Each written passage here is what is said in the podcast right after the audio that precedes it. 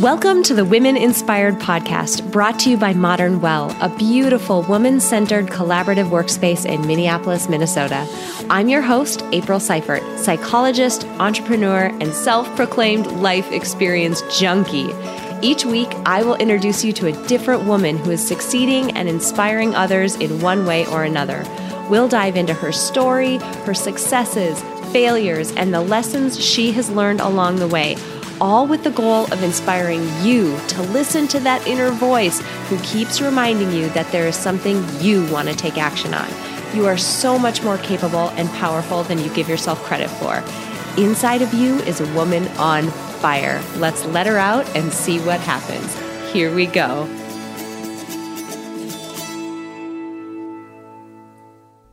Hello, everybody. Welcome back to the Women Inspired podcast. My name is April Seifert, and I am your host. And this week, we have a wonderful guest who is here to share just a beautifully authentic and open story that has led her to start doing some work that is just so impactful for the people that she works with. And I know it's going to be so impactful for all of us on this episode. So I am just thrilled to introduce all of you to Shala Nicely. Welcome, Shala, to the podcast.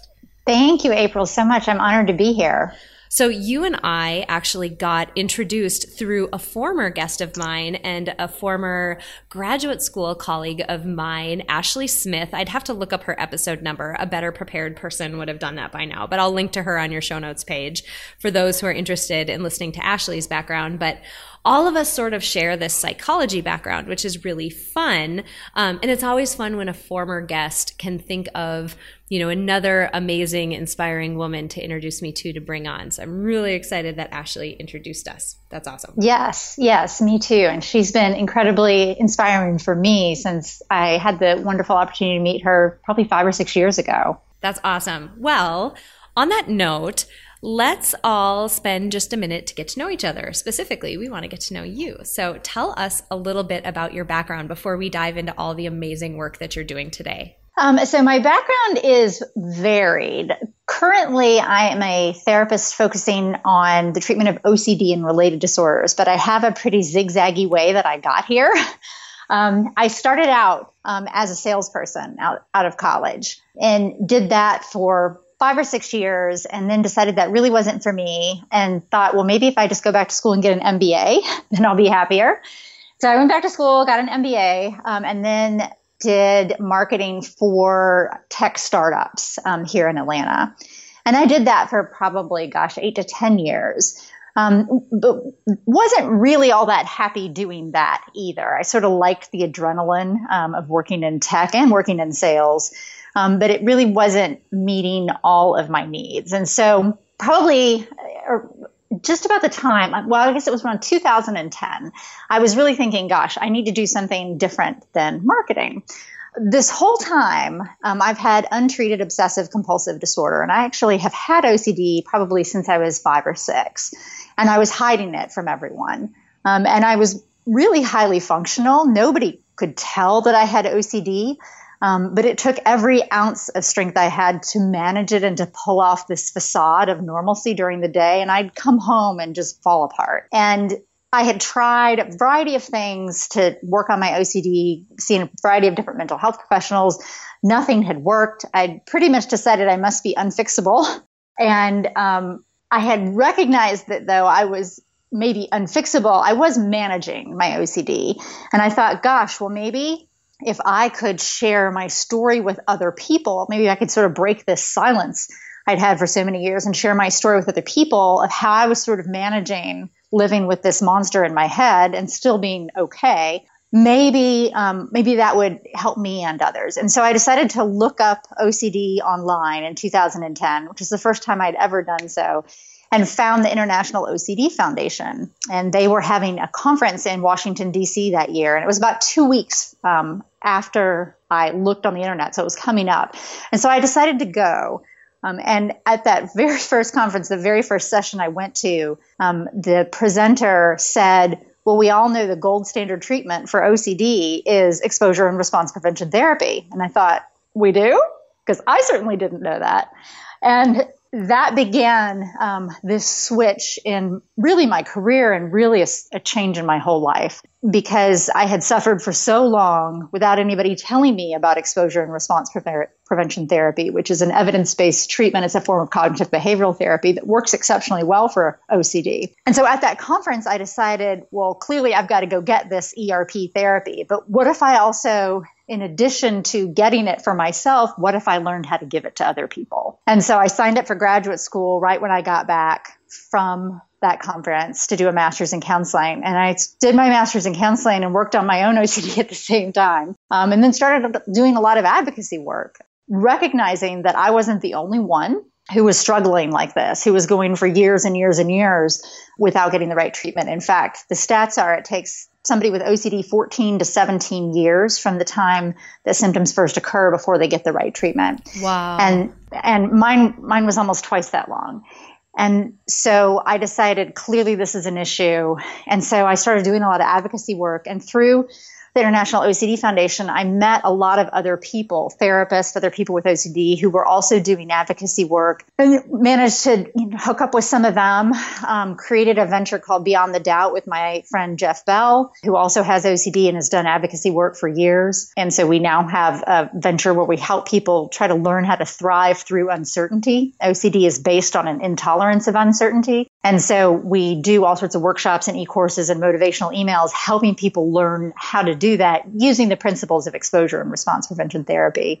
You know, another friend, Jon Hershfield, asked me to write a book with him. So we wrote Everyday Mindfulness for OCD tips, tricks, and skills for living joyfully. And that was published last year. And that was really fun. And so I've just had a lot of different opportunities to be able to work with other people to use what happened to me for the good, to be able to help people get the right treatment a lot faster than I did.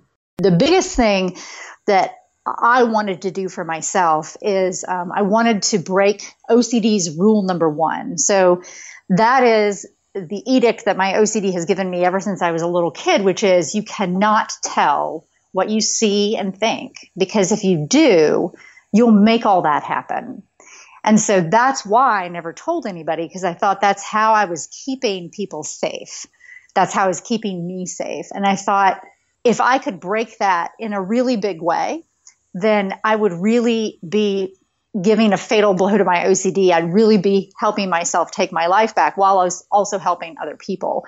So I submitted my story to the International OCD Foundation conference to give the keynote. Um, and so in 2013, I gave the keynote there, and that that was a pretty big breaking of rule number one because there were probably about a thousand people in the audience. Yeah, I would say. Um, I would say that's fairly uh, breaking that rule completely into uh, tiny pieces yeah. And so my OCD wasn't pleased about that, which is great because I do everything I can to keep my OCD unhappy.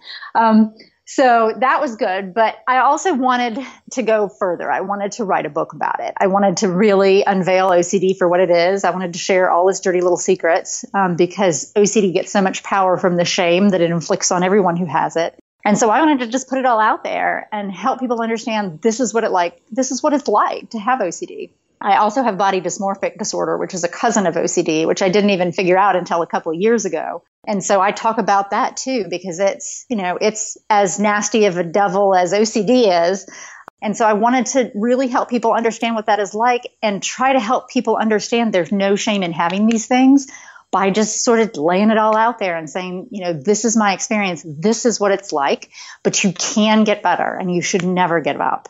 You are so incredibly brave. I mean, to think about, um, well, the way that you described getting up in front of that group of people and giving that keynote as though, you know, it's breaking rule number one, this foundational rule of this life that you've lived. I mean, if you are saying it's gone back to being, you know, when you were five years old, this is your whole life. You have lived by that rule and you're getting up and you're breaking it. That is incredibly brave.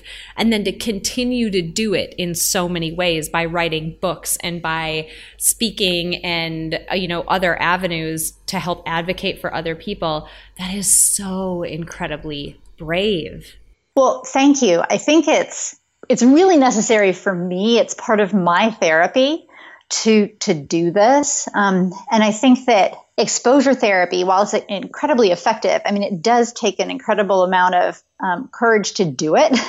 Um, I think all of us who've done ERP um, could say that. And I think the more that we do it and the more that we are brave, the braver we feel and the more that we can do, the more that we can really lean into life and lean into the discomfort that really makes life meaningful. Um, so it's really important to me. And I think it's also important to other people because OCD is such a silent condition and so many people suffer in silence and suffer needlessly for years, like I did, feeling alone, feeling like they're the worst person in the world. I want them to know that there's at least one other person out there that thought she was as bad as they are, and we're not. And they can get better too. That's so incredible. I want to go back a little bit for, you know, the the folks that are listening to this. Some people may have firsthand knowledge uh, with OCD as a condition and, and what that might look like and what the experience might be like for someone who has lived with it. And probably many of my people in my audience, and certainly myself included, don't. And so I'm wondering if you're willing to share a bit about, you know, you mentioned you knew that this was the case back when you were five years old.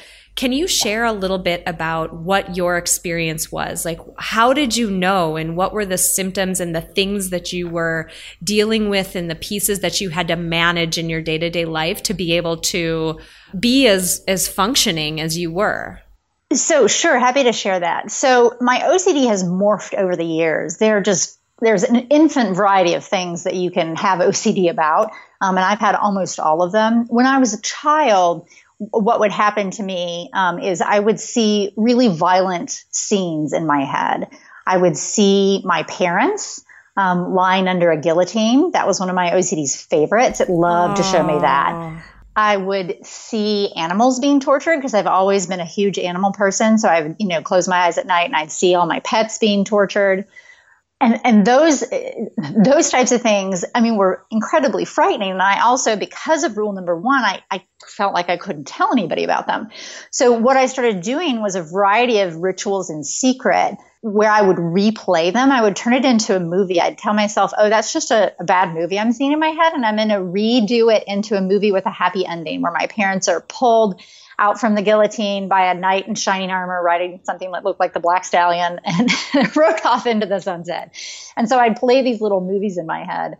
I did a lot of praying as a kid. I mean, um, down on my knees on the carpet for 10, 20, 30 minutes, doing these prayers over and over and over again, asking God to make sure that no one ever died and everybody was safe and, you know, please make sure everybody's okay always. And it had a very specific rhythm to the prayer and I had to do it perfectly. And what I, you know, after I started doing these things, I, I, recognized that they had to feel right as I was doing them. And so I would do them four times because to my OCD, four is perfect. It loves four because it's symmetrical, and my OCD loves symmetry. Um, and so I would do things four times. But if I was really tired, that wouldn't be enough. And so I'd have to do it four times four or 16 times because I was certain to get at least one of the iterations of whatever I was doing perfect if I would do it that many times.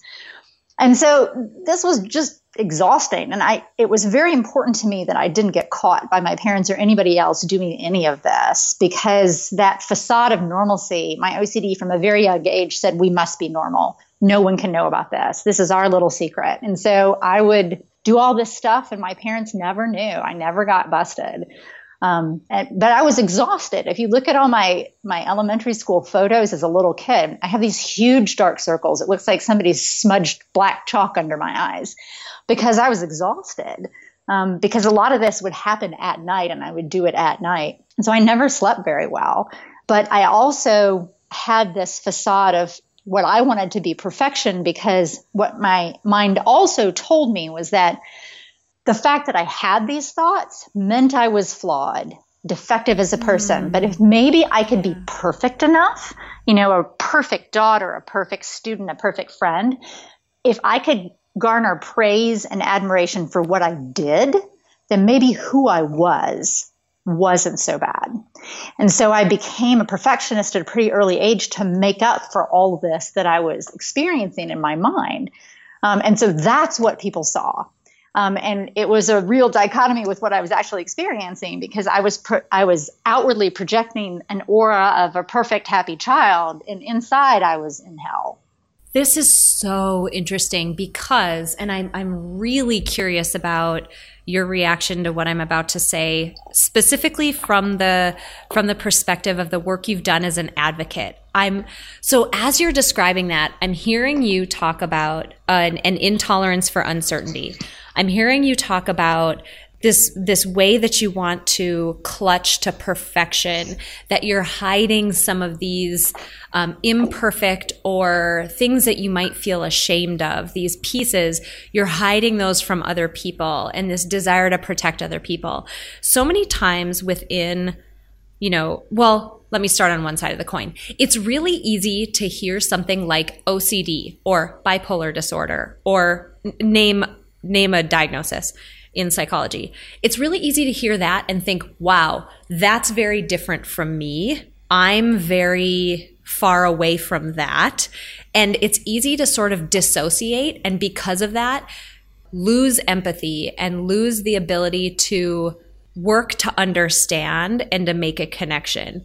What's interesting about what you're saying is it's starting to highlight, you know, a lot of these things from the you know training in in my background we talk about things on a continuum. And when things get far enough on that continuum it's when you know they start to really impact people's lives and that type of thing. What is your thought about you know using that continuum as a way to gain empathy and as a way to understand even to the tiniest degree, because I don't think you can ever really understand completely unless you're in that position, to some degree to open your mind to understand what that person might be going from instead of like marginalizing and pushing away and drawing a sharp line between us and them. I'm really curious about that, if that made any sense at all. Yeah, absolutely. So you know, I think one of my uh, really good friends recently texted me and and said, you know, there's something in my life that's going on right now, and I cannot stop thinking about it. And she goes, it makes me think of you and what you must have gone through. And and so I think that what you're saying is exactly correct in that while not everybody has OCD or not everybody has bipolar, you know, people can have characteristics of a variety of different things. You know, people can have things that they're incredibly worried about. Um, and that could give them a flavor of, gosh, think about if I worried about this all the time for years. Like, how would that feel? How would that impact my life? And yes, so I think that, you know, we can all take things that might happen to us and be able to say, gosh, what if this were the case all the time? I think depression is another really good example. You know, we all feel sad and blue every now and then. And if we, you know, take that opportunity to think, gosh, what if I felt like this all the time? And what if I could not pull myself out of it no matter what I did? How horrible would that be?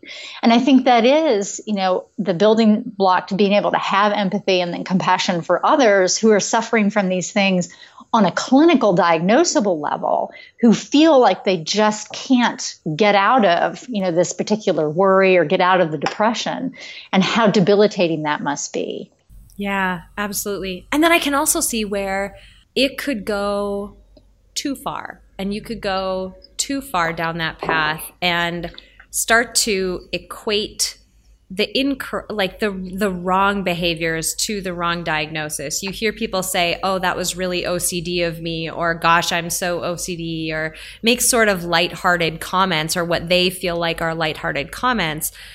You could also go in that direction, and I'm curious about your thoughts about the impact of some of those, you know, those comments. Yeah, I'm really glad you asked about that because I think when people say things like that, they don't mean any harm. I think what what's happened in our culture is that OCD has become synonymous with uh, detail oriented, meticulous, um, fastidious, and it, that's unfortunate. Mostly for the people who have OCD where it's untreated. You know, for me, when I hear something like that, um, it makes me sad, but it doesn't sort of impact my life. But I have clients who are really struggling have mm. very severe OCD and no one knows. And then they hear somebody say that Um, this is especially common with kids, where kids will say this, and other little kids are struggling, and nobody knows except you know their parents. And it makes them feel ashamed because they're like, well, if people can say it's just so OCD, why can't I get over this? If it's that trivial, why is my life being ruined by this? Why is this taking me years? Why am I all, on all these medications? Um, why is this so hard? So they feel marginalized by the comments because they think, gosh, if somebody's going to treat OCD as an adjective that just means meticulous, what I have must not be that bad. And what's wrong with me that I just can't get over it? Mm. And I think that's the tough thing. But I think the thing is, when people are saying that, I really don't think people are meaning it in a harmful way. And in fact, you know, when I have clients who come to me and say, you know, I'm a little afraid to get rid of my OCD because it, I think it keeps me really organized and I'm afraid my life will fall apart if, if I don't get rid of this or if I, you know, if I do get rid of this. And what I'll tell them, as I said, there is a difference between the detail oriented part of you and the OCD part of you. And you can be detail oriented and meticulous and organized and not have OCD be running your life. I said, in fact, OCD is making your life harder. And if you give credit to the OCD as being what is causing you to be successful, then you are giving the very thing that's trying to ruin your life power. Wow. And I said, what we want to do is pull the OCD out so you can be detailed and meticulous and goal oriented and, and organized and you will be more successful if we can get the OCD out of there. It is not the OCD that's successful, it's you. And the more that we pull that out, the more successful you'll be. Oh my God, I just got chills when you said that. Like, it's not the OCD that's successful, it's you. I feel like in general, people tend to just make these, I don't know, not excuses isn't the right word, but they tend to downplay the power that they have. And I love that you're giving that back to your patients and saying the amazingly powerful, incredible things you're doing are you. And this is something entirely separate from that. I just think that's so cool. Um, I kind of want to turn a corner a little bit and talk about how you do that because you know, you mentioned a bit about your practice and about some of the work that you're doing today. You mentioned exposure response prevention therapy and, and other things like that. I'm curious about how you work with people and, and what does this look like when somebody comes to you who is really struggling? Sure. So it, how I work with people is is really helping understand what their OCD is afraid of. So it's a it's a lot of detective work. Um, I sort of think when we start out, we've got this adversary that's very cunning and very manipulative and has a big stake in keeping things the way they are. And we have to understand what its pain points are um, so we can go after those. So I, I have people, you know, develop a list of what their OCD is afraid of. And I always try to say it like that too. It's not what they're afraid of. It's what their OCD is afraid of because it's incredibly important to separate the person from the disorder. And so we'll make a list. You know, the technical term is a hierarchy of, of the things that bother the OCD. And then we'll start working on facing those together. And I give people a lot of skills to help them feel like they can face it. And one of the most important skills is the way that we view anxiety. Nobody likes anxiety because, you know, it's a byproduct of the fight or flight response. From an evolutionary perspective, it means we're in danger. But OCD is using that against people because these obsessions that people have make them incredibly anxious. And compulsions, whether they're mental compulsions, like what I did as a kid, mental movie making, or physical compulsions, which might be praying or checking or asking for reassurance or all sorts of things.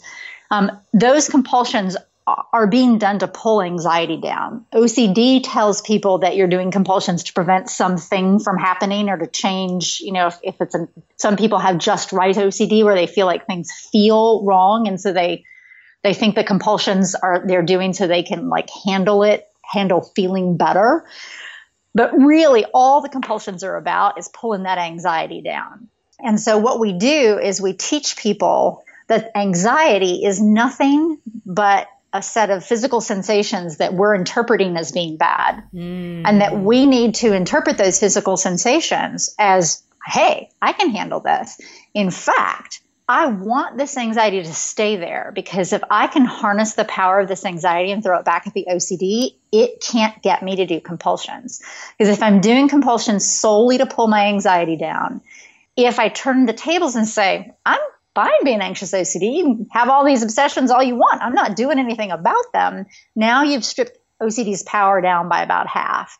So we teach people to lean into the anxiety, to want the anxiety once they have an understanding of that concept, then we start actually going after some stuff on their hierarchy. So, going after things that they're afraid of. Um, so, you know, if they're afraid of germs, then we touch a bunch of things all over my office that are potentially germy. Um, and if you can see me, I'm using air quotes there because, you know, that's everything's germy, right? But right. OCD, it's like, it's contaminated. Um, so, you know, we touch a bunch of stuff and then we don't do any rituals. And then we say a lot of scripts out loud, things like, uh, you know, I can handle this. I want this. You know, give me another thought, OCD. This is fine. Yeah, may or may not be contaminated, but hey, I want to do this because I want to get better and I can do this and I am doing this. So, a lot of positive statements about their power, recognizing that they are doing this and they are winning. And then it's a matter of just helping them really troubleshoot the process because once you start doing exposure, OCD retaliates. I mean, it's an incredibly aggressive disorder. This um, literally um, sounds like trying to do sort of behavior modification things with with like 2-year-olds. Like OCD is this stubborn 2-year-old and you have forced it to eat its dinner and it's just going to ramp it up and like come back to get you. Yes, that's exactly um, how to think about it. I mean, OCD is like dealing with a toddler. Um, and it throws tantrums. It has very specific ways it thinks about things, very black and white. Um, and when you don't do what it wants, I mean, it throws a tantrum in the middle of the floor. And unfortunately, when you have it, your emotions are tied to it. So when it's throwing a tantrum, I mean, you feel like your chest is on fire and you're going to explode. But if you can, you know, get through that and in fact sort of throw it back at the OCD and say, you think that's bad OCD? Let me show you what I'm about to do now. Now you've taken more of the power away um, from it as you're working on these exposures. And I think treating it like a toddler and thinking of it like a toddler, but it's a devious toddler, and recognizing that it's detective work to figure out how it's sabotaging what you're doing. And it's very sneaky. And unfortunately, you know, people's OCD is as smart as they are. That's what I tell them. I'm like, you're really smart. So your OCD is really smart too. So it's going to take us a little while here to to figure out what it's doing so we can um, work against that. It's it's fun. It's really like detective work. That's amazing. I want to uh, I want to branch off of that, like from the work you're doing to a really cool piece that you've put out into the world recently because that's sort of another way that you're helping people in addition to the therapy and the one-on-one work that you're doing you recently wrote a book that has a very uh, curiosity piquing title. You wrote a book called Is Fred in the Refrigerator? Tell us a little bit about why you wrote that book, what's it about? Like give us the lowdown on on Fred. Yeah, so um, is Fred in the Refrigerator, uh, uh, Taming OCD and Reclaiming My Life, has been a project that I've worked on for the past eight years.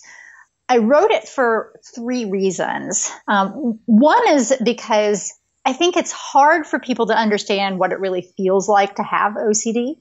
You know, as we've discussed um, today, most people just see sort of the outward compulsions or they see people being neat and orderly and that kind of thing. But that is just the tip of the iceberg with OCD. And it looks, OCD can look on the outside like it's cute and quirky, and it's just, it's not. It's horrific. And so I the first reason I wanted to write this is I wanted to help people understand how it feels. That what it feels like is walking around with a gun pressed to your head all day long, and that you will do whatever your OCD says because you're not sure if you don't do what it wants if it's going to pull the trigger. That's terrifying. Um, like, it's terrifying. absolutely terrifying.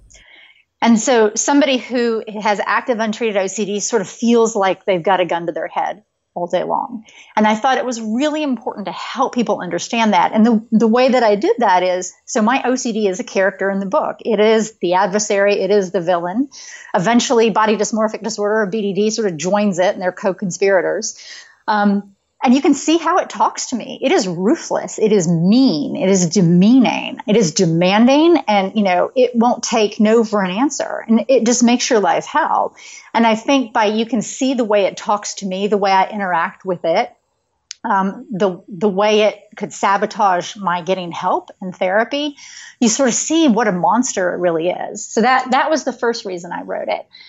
Uh, the second reason is, you know, something that I've alluded to earlier, is that I want people to know that they can get better, and that it's not an easy path to getting better oftentimes because it just takes people so long to get the right treatment, because people don't talk about it, because unfortunately there aren't a lot of people trained in exposure and response prevention. You know, it takes people so long to get the right treatment. And many people, by the time they see an exposure and response prevention therapist, they will have seen a number of other therapists and they come thinking they're unfixable. Uh, and they come thinking there must be something fundamentally wrong with them. And I want people to understand that's not true and that they shouldn't ever give up because it took me 35 years before I learned about ERP. And then really it took me about eight years, about the time that I spent working on the book to really sort of get my OCD under control. And it's not going to take everybody eight years. It took me eight years. Um, because of some choices I made about therapy. I did most of my therapy on my own. Um, so a lot of mine was trial and error. And so that made it take longer. And I also, you know, had really aggressive, assertive OCD. It'd been around for 35 years. It was pretty skilled at its job. it took a long time to dismantle all that. Um, and so I want people to understand that they can get better and not to give up, even if it's been 35 years or 45 years or 55 years or whatever, don't give up. They can get better. And then finally, I wanted to write a good story. I wanted to write a page turner because that's what I like to read. I love mystery novels because there's always that sense of what's going to happen next. And so it was important to me to write a really good story because one of the things I've learned from my mother, who's a professional storyteller, is that the best way to convey information in a way that people will remember is to tell a good story.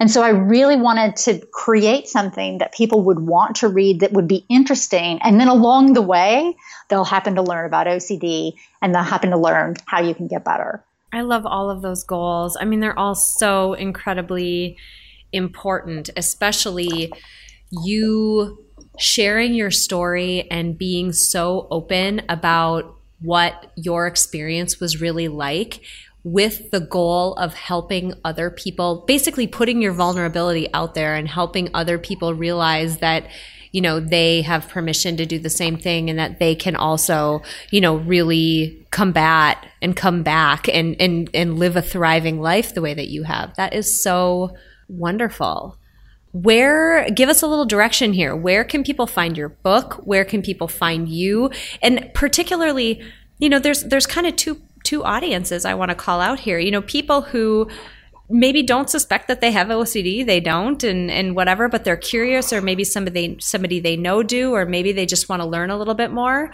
Um, I want them their ears to perk up right now, and also if somebody out there is listening to this and anything that Shala has shared is making you start to wonder and making you start to question whether the way that you've been living might indicate that you need help.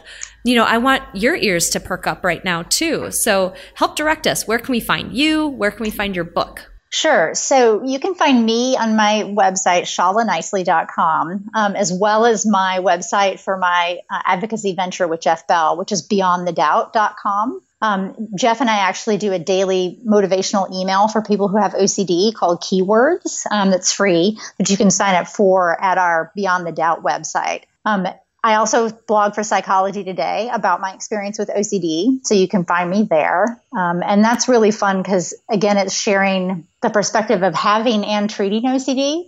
Um, and one of the things I really like to do there is talk about how it's an imperfect process and I'm imperfect and, and they can be imperfect too, and that's okay. Um, in terms of the book, you can find it on Amazon. So the Kindle version is available for pre order. Um, the book will actually be launched on May 29th, and both the print and the Kindle version will be available um, on May 29th. Yay! Yay! That's so exciting. Thank you. I think so too.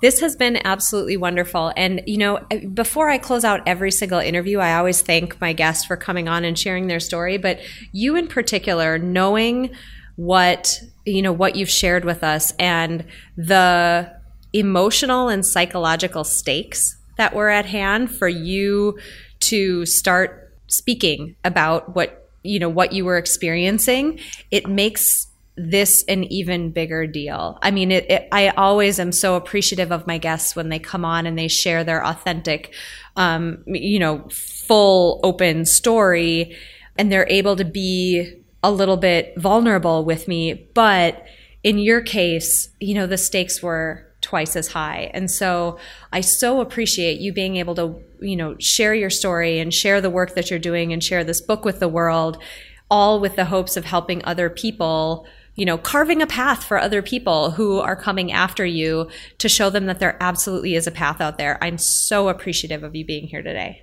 Well, thank you. It's been a real honor to talk with you. Um, I appreciate the opportunity to share information about my story because, again, it's just really important to me that I can use what happened to me for good for other people. So, thank you. I love it.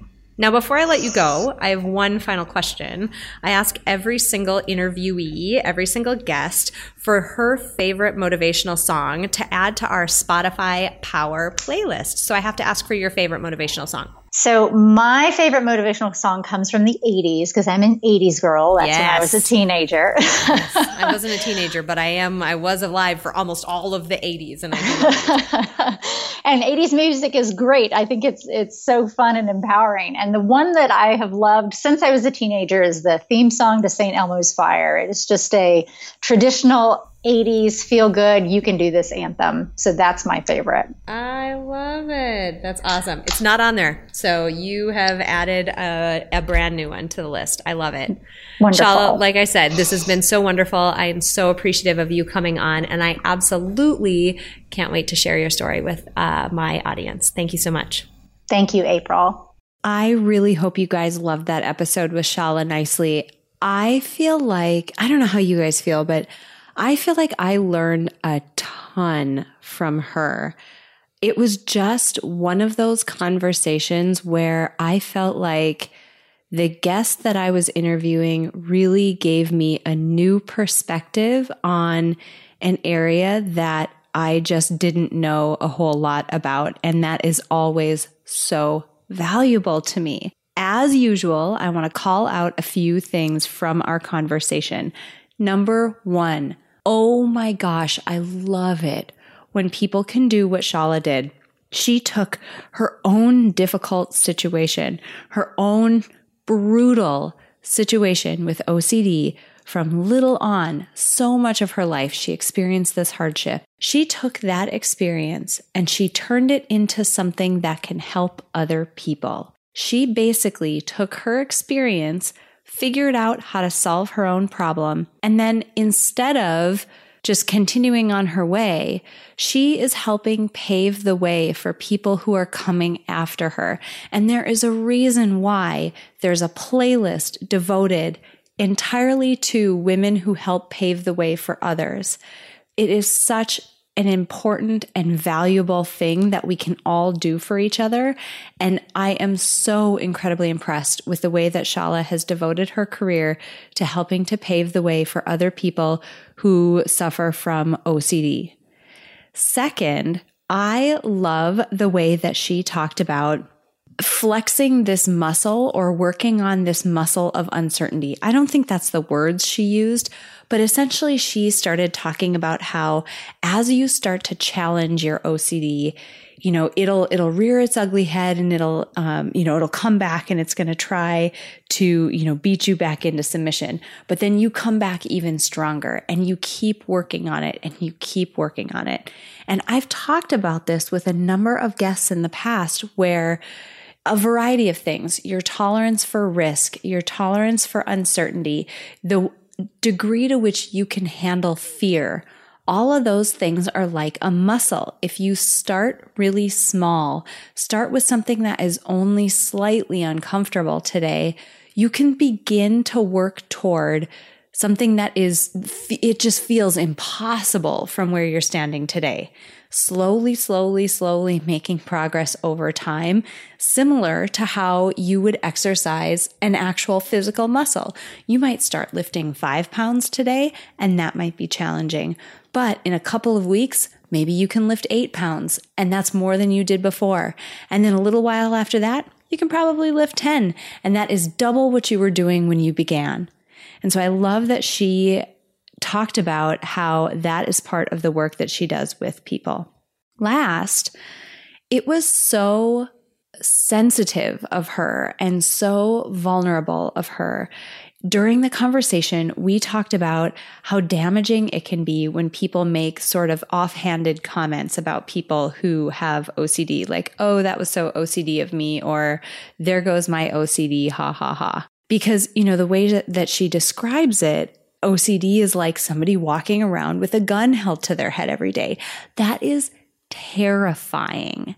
If you really put yourself in that perspective and in that situation, that would be so terrifying.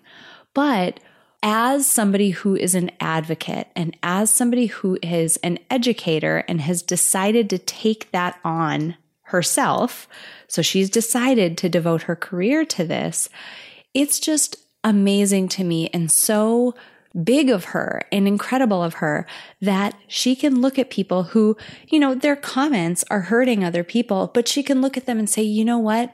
I don't think there was any malintent there. I don't think they meant for their comments to be as damaging as they are. Now I'm still going to take this opportunity and help educate that person, but I'm going to recognize that that person really didn't mean to cause the hurt that they did. And that is just an incredibly sensitive, thoughtful way to approach the advocacy and education work that she has made such a large part of her career. I really, really hope you guys took a lot away from this episode. And I mentioned it during the episode, but it is worth calling out again.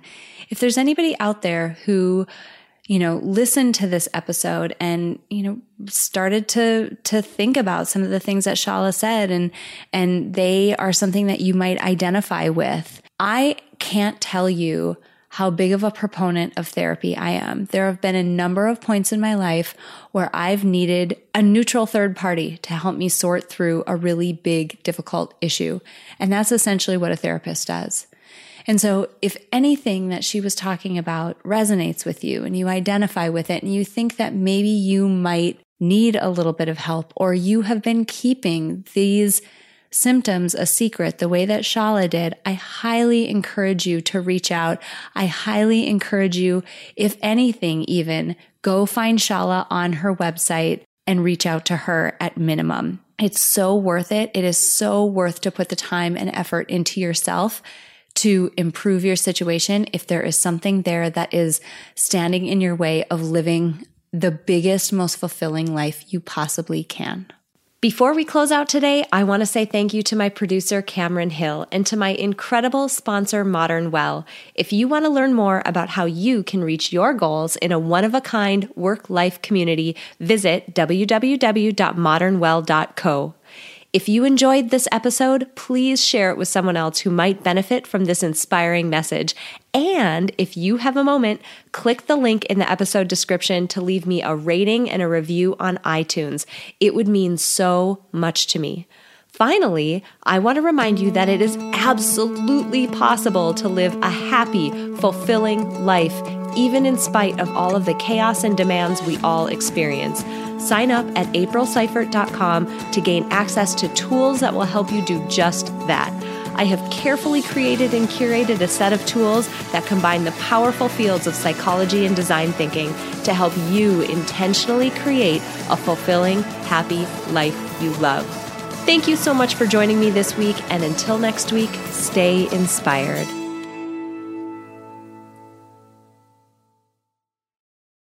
At Parker, our purpose is simple. We want to make the world a better place by working more efficiently, by using more sustainable practices, by developing better technologies. We keep moving forward. With each new idea, innovation, and partnership, we're one step closer to fulfilling our purpose every single day. To find out more, visit parker.com/purpose. Parker, engineering your success. As humans, we're naturally driven by the search for better. But when it comes to hiring, the best way to search for a candidate isn't to search at all. Don't search, match with Indeed. When I was looking to hire someone, it was so slow and overwhelming. I wish I had used Indeed. If you need to hire, you need Indeed. Indeed is your matching and hiring platform with over 350 million global monthly visitors, according to Indeed data, and a matching engine that helps you find quality candidates fast. Ditch the busy work. Use Indeed for scheduling, screening, and messaging so you can connect with candidates faster. And Indeed doesn't just help you hire faster. 93% of employers agree Indeed delivers the highest quality matches compared to other job sites, according to a recent Indeed survey. And listeners of this show will get a $75 sponsored job credit to get your jobs more visibility at Indeed.com slash podcast. That's Indeed.com slash podcast. Terms and conditions apply.